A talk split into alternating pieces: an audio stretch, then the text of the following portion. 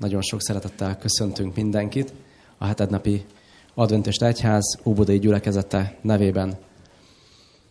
A délutánunk egy húsvétű műsor. Ezen a húsvétű műsoron Szilvási Csizmadia Andrea hangjátékát fogjuk hallani. Benne néhány zenei betéttel, kórusművel. A a darab címe Íme az ember. Írta gyülekezetünk korábbi lelkésze Szilvási Csizmadia Andrea. Passiójáték Péter szemszögéből. Fogadják és hallgassák szeretettel.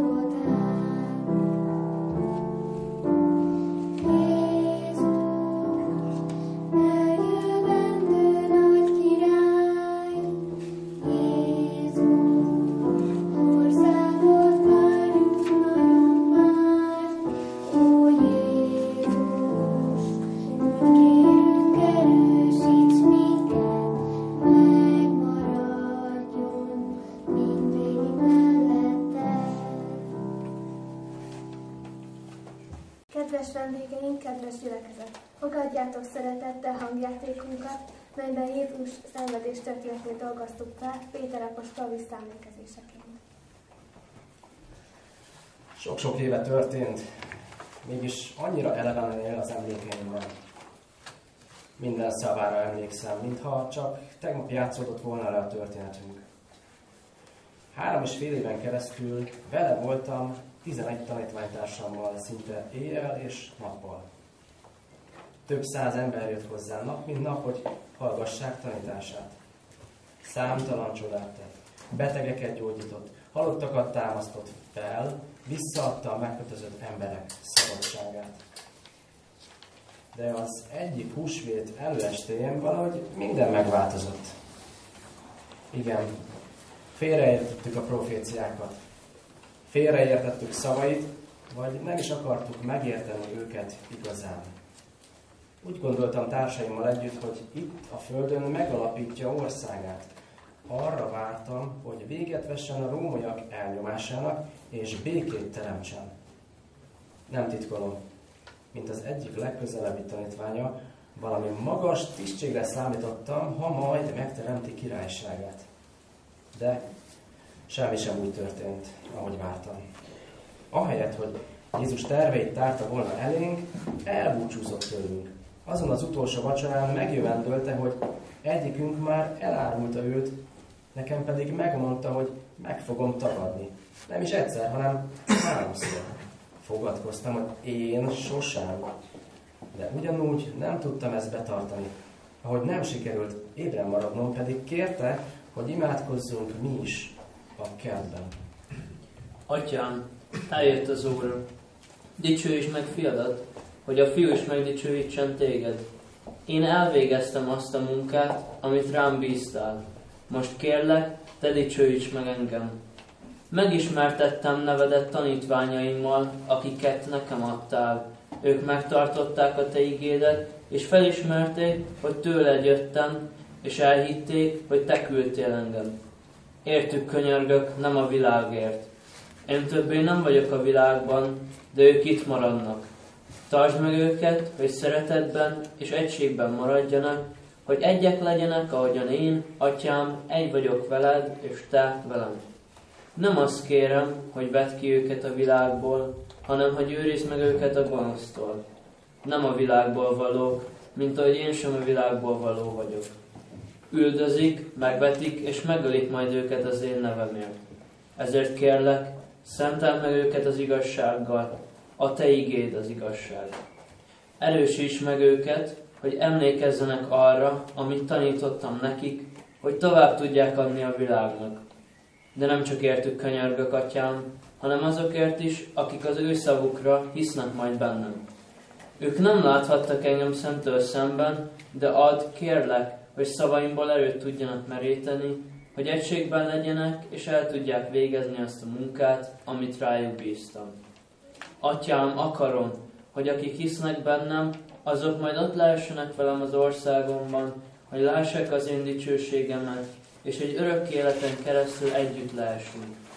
Atyám, akarom, hogy velem éljenek ott, ahol nem lesz többé fájdalom, gyász, halál és elmúlás. Add, kérlek, hogy azt a szeretetet, amivel engem szerettél, megmaradjon bennük, és én is az ő szívükben. Hát a kenyelmedből. Amen.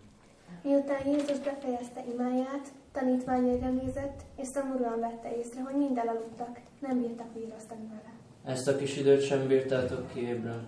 Mester, csak éppen. Itt az óra, gyertek, menjünk. Ekkor érkezett meg Júdás a csapatával. Az események pedig teljesen más fordulatot vettek, mint ahogy azt mi vártuk. Júdás jól ismerte azt a helyet, ahova Jézus és tanítványai mentek ki a páska vacsora elfogyasztása után. A főpapok és farizeusok által szervezett csapat élén vonult mester elé, melyet felfegyverzett katonák és templomi szolgák alkottak. Köszöntésként megcsókolta Jézust, ezzel jelezte emberei számára, hogy őt kell elfogniuk. Mester, Így árulod az ember fiát. kötözzétek meg és vigyétek a főpaphoz. Borzasztó volt látni, hogy ezt teszik vele. Meg akartam akadályozni, hogy mindez megtörténjen. Tudtam, ha elviszik, soha többet nem láthatom viszont. A farizeusok és írásodók meg akarták ölni, és ezért minden lehetséges követ megmozgattak. Nem gondolkoztam, csak cselekedtem. Hirtelen előrántottam a szabjámat, és lecsaptam az egyik szolga fülét. Nem tudtam, hogy jutott ez eszembe, hiszen többszörös túlerővel álltam szemben. De érte, megtettem. A szolga hatalmasat kiáltott. Jézus azonban megint másképp cselekedett, mint ahogy én szerettem volna. Odalépett ahhoz az emberhez, és meggyógyította. Ezután durván elvezették Kajafáshoz, a főpaphoz. Jánossal együtt távolról követtem a csapatot, hogy lássam, mi történik mesteremmel. A többiek elfutottak, amerre csak tudtak. Végre, hogy megérkeztetek. Nesze Judás, itt a pénzed. Nincs rá több, több szükségem. Elmehetsz. Köszönöm, Uram. El kellett volna futnom a többiekkel. Jézus szavai beigazolódtak. Megtagadtam őt. Nem is egyszer, hanem háromszor. Pedig csak egy szolgáló lány kérdezősködött arra, hogy ki vagyok. Hmm. Nem ennek az embernek a tanítványai közé tartozol te is? Nem, biztos, hogy valakivel összekeversz. Pedig te is a názáreti Jézussal voltál. Nem tudom, miről beszélsz. Nem ismerem ezt az embert. Pedig biztos te is közülük való vagy. A kiejtésed is olyan, mint a galileaiaké. Nem tudom, miről beszélsz. Értsd már meg, hogy én ezt az embert soha nem ismertem. Én nem állok szóba ilyen jött-ment vándortanítókkal. Ekkor megszólalt a kakas, nekem pedig eszembe jutott minden szó, amit a mester mondott. És pont abban a pillanatban rám tekintett. Szemében nem volt egy cseppnyi harag sem, csak mélységes fájdalom. Szörnyű érzés volt. Elárultam őt. Nem bírtam tovább, és sírva rohantam ki a főpap udvaráról. De a tárgyalás tovább folyt. Mit tanítottál te az embereknek? Én nyíltan tanítottam a népet a zsinagógákban, és semmit titokban nem beszéltem. Kérdezd meg azokat, akik hallgattak engem, hogy miről beszéltem. Jézus válaszát hallva a főpap egyik szolgája durván arcul ütött előtt. Így felelsz a főpapnak. Legyen benne több tisztelet Kajafás iránt. Mondd meg nekem, te vagy a Krisztus, az élő Isten fia? Te mondtad. Milyen bizonyítékok kellenek ezen felül? Hiszen ő maga mondta ki, hogy Isten fia. Ilyen Isten káromlásért a törvény szerint halál jár. Katonák, vigyétek Pilátushoz, hogy ítélje el ezt a gonosztevőt. Miközben Jézus kihallgatása folyt, Isten lelke dolgozott Júdásban, az áruló nem lett nyugalmat. Miután Kajafás a főpap kihirdette az ítéletet, a katonák elvezették Jézust a helytartó palotájába, Júdás azonban visszatért a népvezetői elé. Megbánta tettét, és vissza akarta adni a vérdíjat. Védkeztem, mert igaz embert árultam el. Én nem így akartam, erre nem számítottam. Ez a te dolgod. Semmi közünk sincs hozzá. Hord el magad. Júdás teljesen összetett az események súlyától. Talán nem hitte el, hogy az ő védkére is van bűnbocsánat, ezért végső elkeseredésében öngyilkosságot követett el. Jézusra egy újabb kihallgatás várt, immár a római helytartó Pilátus előtt. Már megint mit küldtél Kajafás? Tisztelt Pilátus, a római birodalom számára veszélyes egyén. Ez az ember magát Krisztusnak, Isten fiának, a zsidók királyának mondja. Lázítja a népet a császár ellen. Nem kell sokáig gondolkodnod, mondd ki most felette a hatálos, halálos ítéletet. Én azért előbb megvizsgálnám. Te vagy a zsidók királya? Magadtól mondod ezt, vagy mások mondták neked róla? Én római vagyok. A te nemzeted és főpapjai adtak kezemre. Mit tettél? Nem azért jöttem, amit a zsidók hisznek, hogy megalapítsam a zsidók birodalmát, mert az én országom nem ebből a világból való. Csak ugyan? Király vagy te? Te mondtad, hogy én király vagyok. Azért jöttem erre a világra, hogy az igazságot hirdessem. Aki az igazságból való, az hisz nekem. Mi az igazság? Én ezt az embert nem találom bűnösnek. De mivel ünnepnap van, és nálatok ez a szokás, elengedek egy rabot. Katonák, hozzátok be Barabást. Melyiket bocsássam szabadon? Barabást, a rablót, vagy a názáreti Jézust, a zsidók királyát? Barabás! És mit tegyek Jézussal? Feszítsd meg! Katonák, vigyétek el, ostorozzátok meg. Pilátus tudta, hogy Jézus ártatlan, de nem lehetne nyíltan meghozni a döntést mellette. Abban reménykedett, hogy ha a nép meglátja a megostorozott embert, megesik rajta a szíve, és ő pedig elbocsáthatja a názáretit. Miután a katonák elvégezték a parancsot, és visszahozták a megkízott Jézust, a helytartó ismét feltette kérdését a nép számára. Íme az ember. Mit tegyek vele? Akarjátok, hogy elbocsássam nektek a zsidók királyát? Feszítsd meg!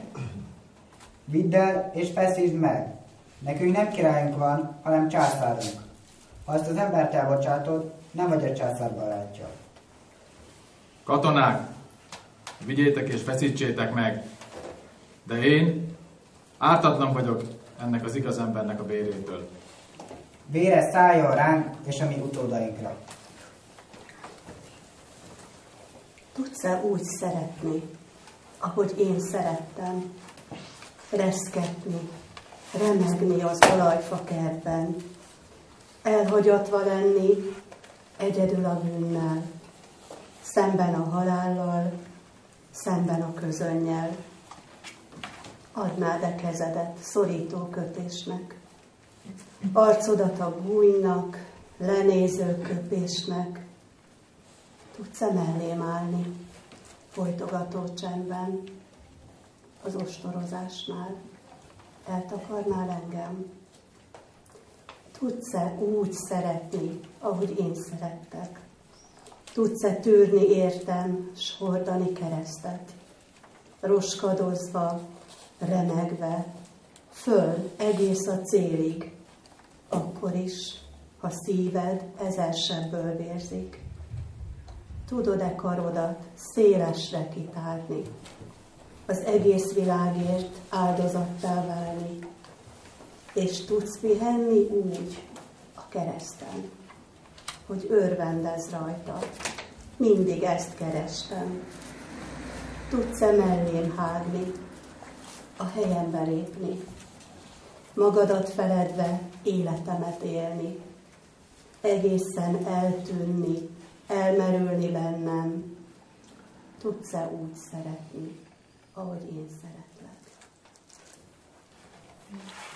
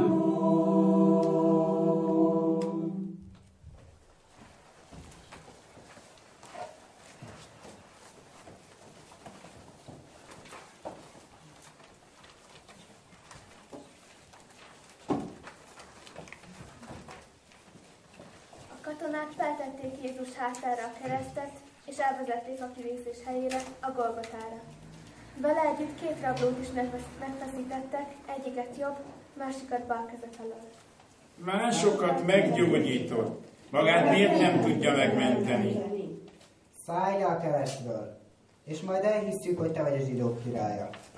Atyám, bocsáss meg nekik, mert nem tudják, mit cselekszenek. Nem te vagy az a, nem te vagy a messiás? Ha te vagy az, akkor szabadítsd meg magadat és minket is. Az Isten sem tiszteled már? Mi jogosan vagyunk keresztre feszítve, mert raboltunk, de ő nem tesz semmi rosszat.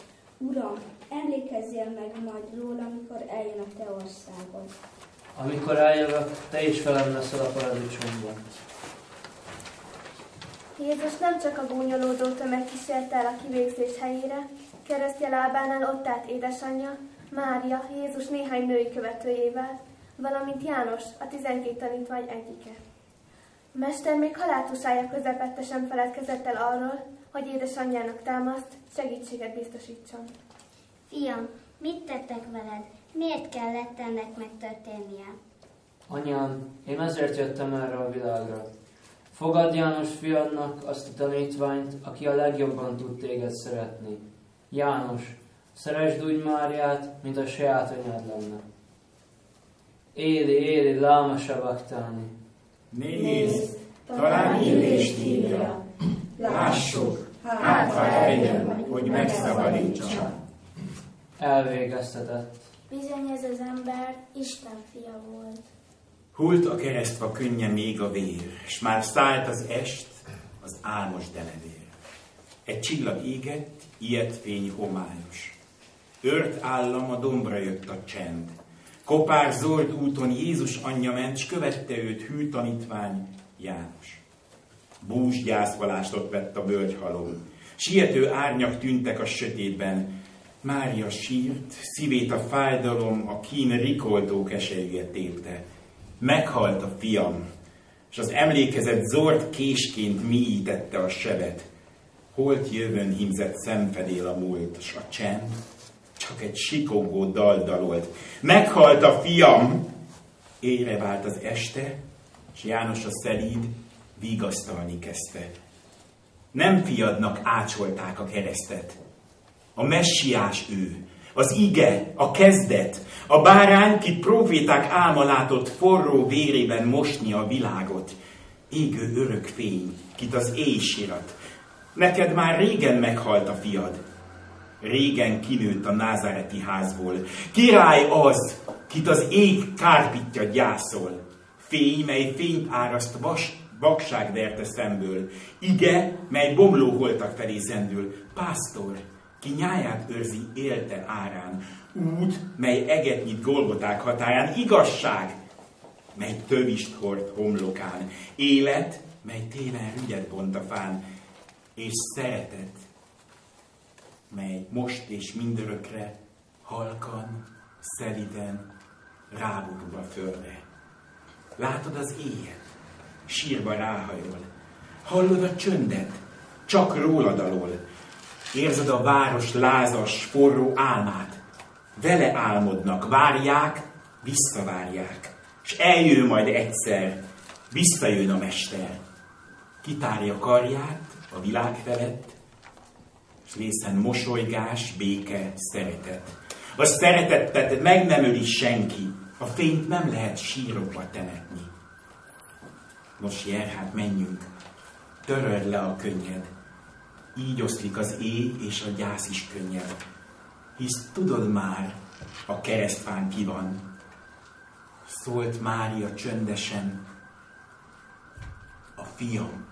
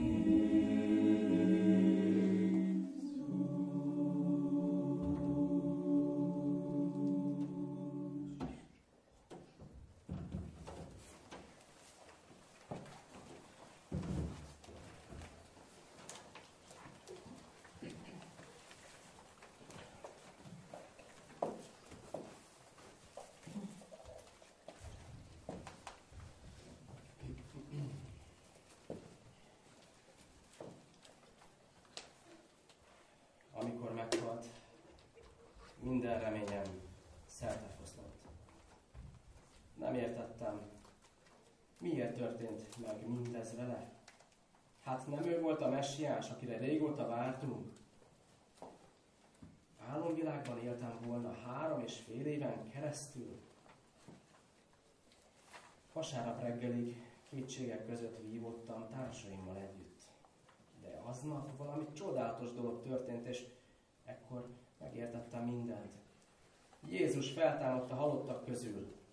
A jó győzelmet aratott a gonosz felett, és többé nem tarthatta őt fogságában a halál.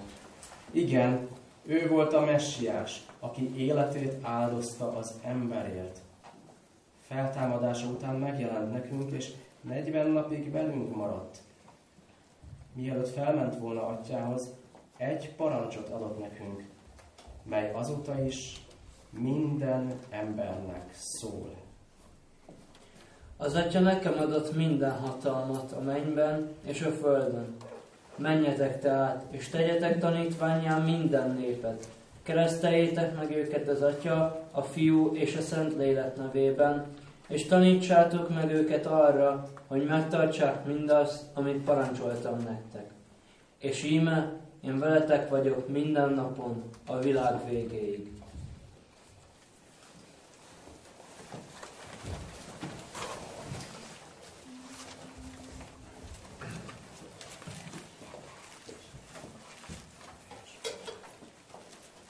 Látsz halott arcot és hulló virágot.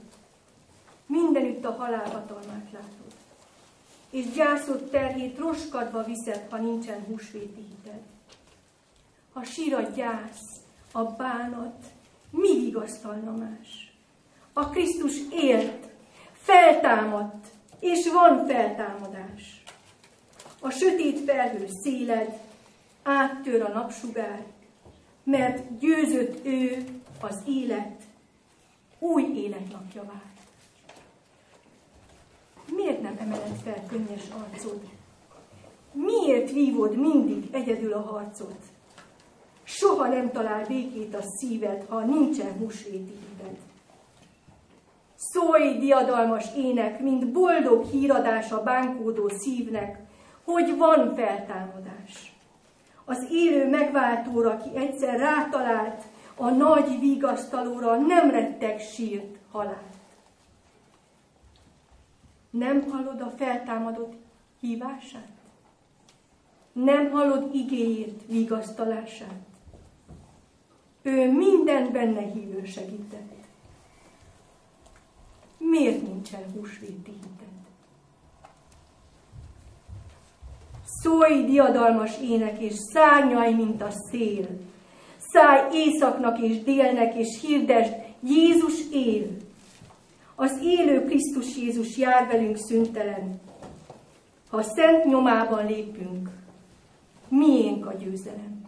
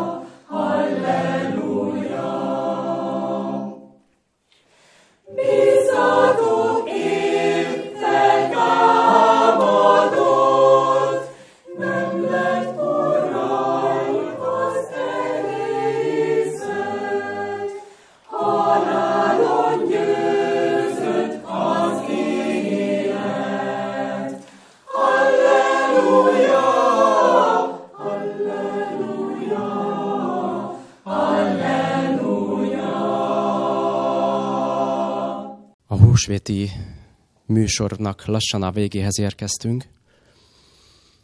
És a hangjáték elhangzása után engedtessék meg nekem néhány útra való gondolat. Mikor azon gondolkodtam, hogy mit is mondhatnék, néhány szó, néhány fogalom jutott az eszembe. Nem ez az első, amit az eszembe jutott, de meg fogjuk érteni, hogy miért kapcsolódik mégis ide. A jelen pillanatban is kórusunk, illetve a szereplők sora is meg van változva, mert betegség döntötte őket le lábukról. Lehet ilyen betegség például egy lázas állapot. Gyermekeim is, akik közül egy szerepelt volna, nem tudott itt, itt lenni ma, mert magas lázzal fekszik éppen otthon, vagy nem tudom mit csinál, de, de ez a betegség ledöntötte. Miért hozom ezt a képet ide mégis most? Amint említettem, több fogalom és szó is az eszembe jutott. Az egyik ilyen a reménység. Ha húsvétről gondolkodunk, akkor szerintem óhatatlanul, ha tíz emberből megkérdezünk tizet, akkor legalább öt vagy hat, vagy akár tíz is azt a szót fogja erre asszociációként mondani, hogy remény. De ha ettől elvonatkoztatunk, hogy húsvét, mert hogy a, az életünk az nem csak húsvétból áll, hanem, hanem a kemény hétköznapokból, amikor érhetnek bennünket nehéz pillanatok, szomorú hírek, a sok jó mellett is. És akkor úgy érezzük, hogy valamiben kapaszkodnunk kell, mert ezt lehet, hogy talán nem bírjuk elhordozni. Akkor ott lehet ez a szó a számunkra, hogy remény, hogy reménység. És ha megkérdeznék az embereket, én azt gondolom, hogy kétféleképpen legalább reagálnának rá, hogyha erről a szóról kellene mondaniuk néhány gondolatot, hogy mi az, hogy reménység, számára mit jelent. Én azt gondolom, hogy ez a kettő, vagy ha hármat kellene említenem, akkor azt mondaná az egyik, vagy úgy fogalmazná meg a mondatait, hogy igen, igen, igen, reménykedem, mert ez történt velem, vagy ezt láttam, vagy most ebben a helyzetben vagyok. Én azt gondolom, hogy sokszor én magam is talán ebben a helyzetben vagyok legtöbbször, hogy így fogalmazom meg a reménységet, hogy majd jobb lesz. Ennél már nem lehet rosszabb. Nem? De érezzük, hogy innen hiányzik még valami. És amikor azon gondolkodom, mi hiányzik ebből, akkor egy szereplője ennek a történetnek jutott az eszembe. Nem itt, a közülünk a sorainkból, hanem akkor, több mint vagy, tehát közel 2000 évvel ezelőtt. Volt egy szereplője ennek a történetnek, aki itt, fel volt sorakoztatva, hogy mindösszesen egy mondat szerepelt az ő szájából. Máté evangélium 5. fejezetében van feljegyezve egy történet, és Jézus kortársa volt, ebből kiderül, és róla azt tudjuk, hogy úgy nyilatkozott Jézus róla, hogy bizony mondom nektek, nem láttam, és figyeljétek meg ezt a szót, nagyobb hitet, mint ahogy mit ez az ember tanúsított most felém. Nem tudom, hogy tudjuk-e, hogy kiről van szó. A római századosról, igen. És most akkor össze is kapcsolnám a lázzal, hogy megértsük, hogy miért mondtam. Amikor a lázas állapot magas, vagy nagy, akkor arra azt mondjuk, hogy nem jó, mert a normáltól eltérő. Jézus kiemelt valamit ebben az emberben. Mit emelt ki ebben az emberben? A hitet, hogy nagyobb hite van. És akkor a házi feladatunk az lenne, hogy ne egész délután beszéljek, mint ahogy többieknek mondtam, hogy lehet, hogy két és fél óra lesz, de nem, nem lesz annyi.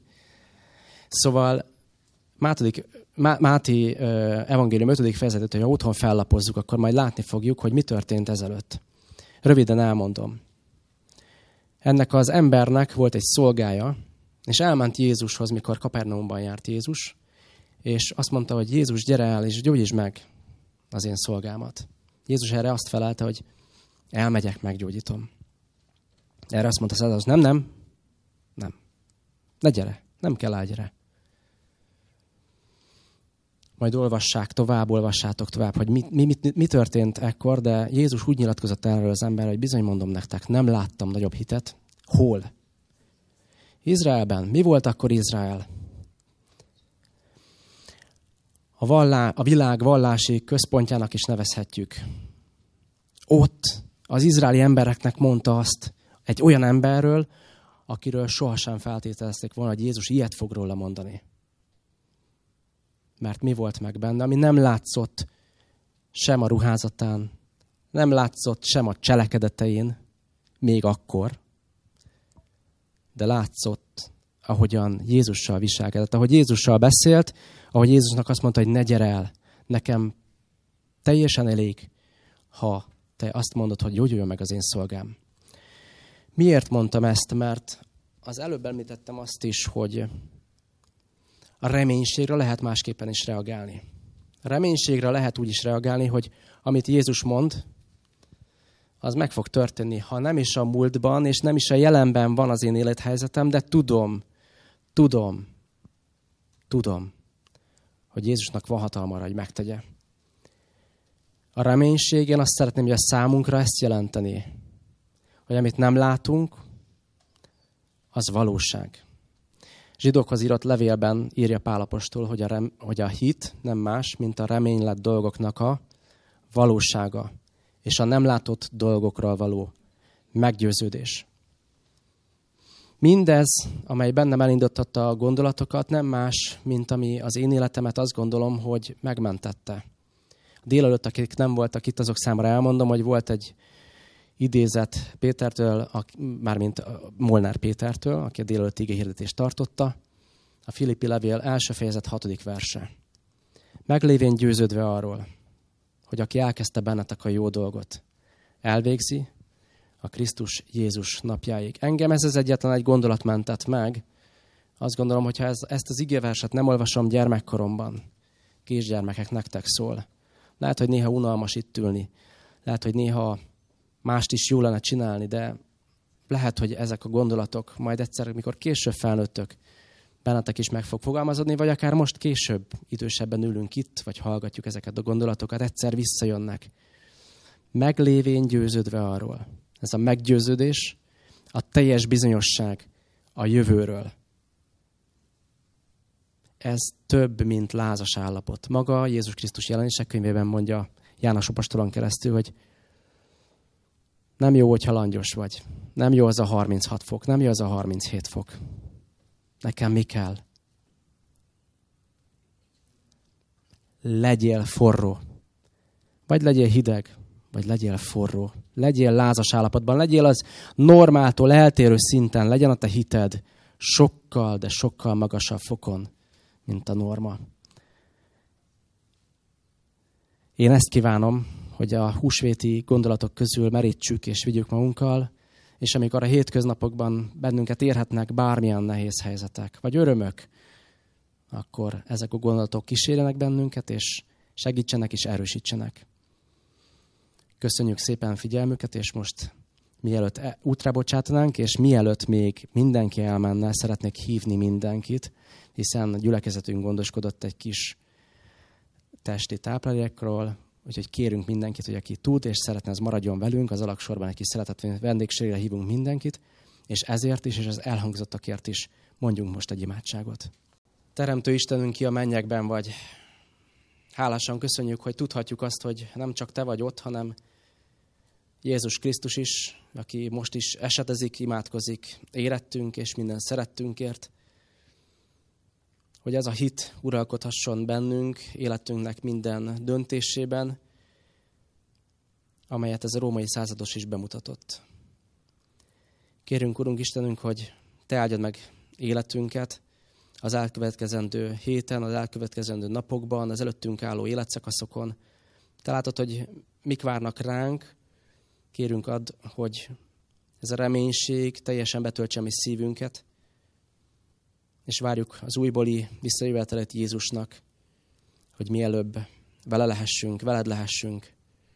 Köszönjük, hogy mindezt kérhetjük, és hálásak vagyunk azért, hogy nem csak lelki táplálékról, hanem testéről is gondoskodsz.